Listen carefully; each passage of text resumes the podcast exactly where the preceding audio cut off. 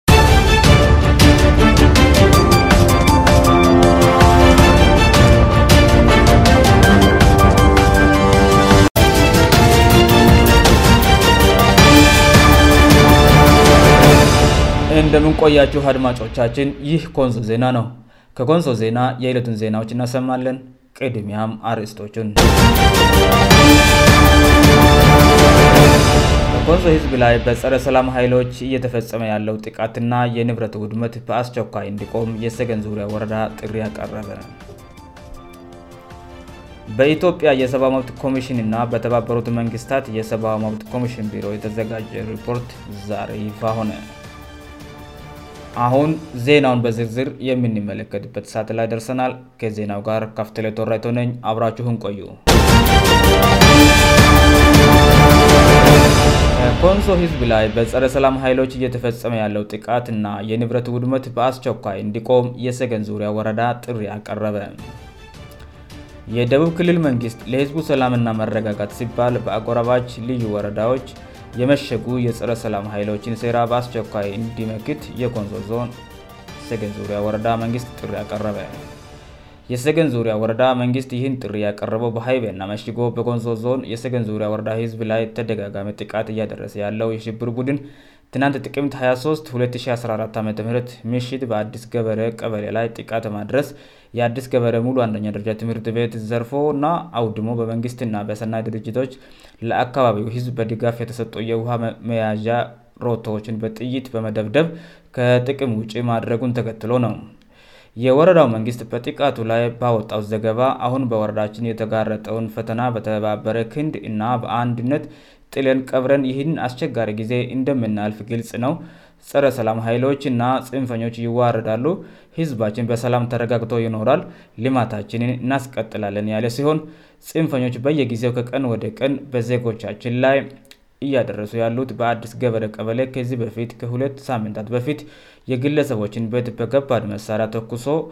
በከባድ መሳሪያ ትኩስ በመምታትና ከብቶችን በመዝረፋቸውን በማስታወስ ጽንፈኞቹ ይህም በቃን ሳይሉ ትላንት ምሽት በገባድ መሳሪያ በታገሰ ትኩስ ቀበለውን በማናወጥ ዜጋ ተምሮ እውቀት የሚቀስምበት የአዲስ ገበረ ሙሉ አንደኛ ደረጃ ትምህርት ቤት የሬሰ መምህራን ቢሮ ቅርንጫፍ ማእገልና የመማሪያ መጻህፍትና የተለያዩ ንብረት ያለበት መጋዝን ሙሉ በሙሉ በሳት ማውደማቸው ገልጾ ከዚህ በተጨማሪ ሽፍታው በመንግስትና በሰናይ ድርጅቶች ለአካባቢው በድጋፍ የተሰጡ የውሃ መያዣ ሮቶዎችን በጥይት ደብድበው ከጥቅም ውጭ ማድረጋቸውን የወረዳ መንግስት ኮኒኬሽን ጉዳዮች ጽህፈት ቤት አረጋግጧል አባሪው ኃይል አሁንም አላርፍ ብሎ በአካባቢው ህብረተሰብ ላይ ጉዳት ከማድረሱን በላይ የንብረት ዘረፋና የማውደም የማቃጠል ተግባሩን ቀጥሎ ዜጋ በራሱ በተወለደበትና ባደገበት ስፍራ ተምሮ ውጠታማ እንዳይሆን ዜጋ ተምሮ ሀገር በተማሪ ኃይል እንዳትበለጽቅ እያደረገ መሆኑን መላው ህዝባችን ሊገነዘብ ና ሊያወቅዝ ይገባል ያለው የወረዳው መንግስት የደቡብ ክልል መንግስት ይህንን እንድረዳና ለሕዝቡ ሰላምና መረጋጋት ሲባል በአቆራባቸሁ ልዩ ወርዳዎች የመሸጉ ጽረሰላም ኃይሎችን ሴራ በአስቸኳይ መመከት እንዲችል ጥሪ አቅርቧል በመጨረሻም አርሶ አደራችን ቀኑን ሙሉ በራሱ እርሻ የራሱን ስራ ሰርቶ ውሎ ገብቶ ባደረበት በራሱበት እለት በዕለት እየደረሰበት ያለው ሰቆቋና እንግሊት መንግስትና ሚሊሻ ከመንግስት የጸጥታ አካላት ጋር በመሆን በወርዳው ዙሪያ የመሸጉትን ጽረ ሰላም ኃይሎች ላይ የማያዳቅምርንጃ እንዲወስ ጥሪ አቅርቧል ይህ ኮንዞ ዜና ነው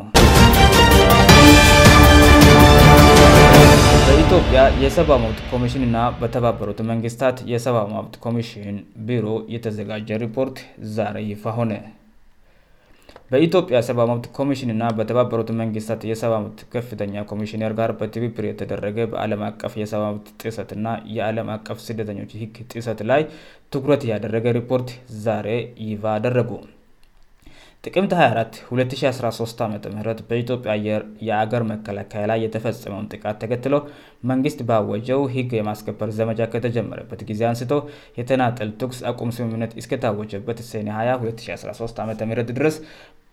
በጦርነቱ ምክንያት የተፈጠሩትን የሰብዊ መብት ጥሰጦችን ሲያጣራ የቆየው የኢትዮጵያ ሰብ ማብት ኮሚሽንና የተባበሩት መንግስታት የሰብዊ ማብት ቢሮ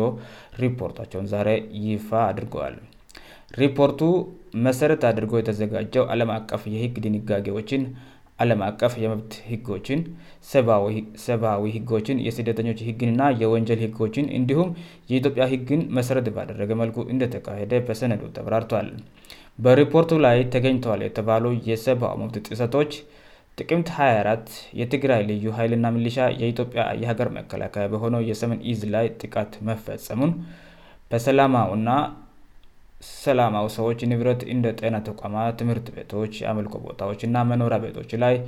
ያለ ልዩነት ጥቃት መፈጸሙን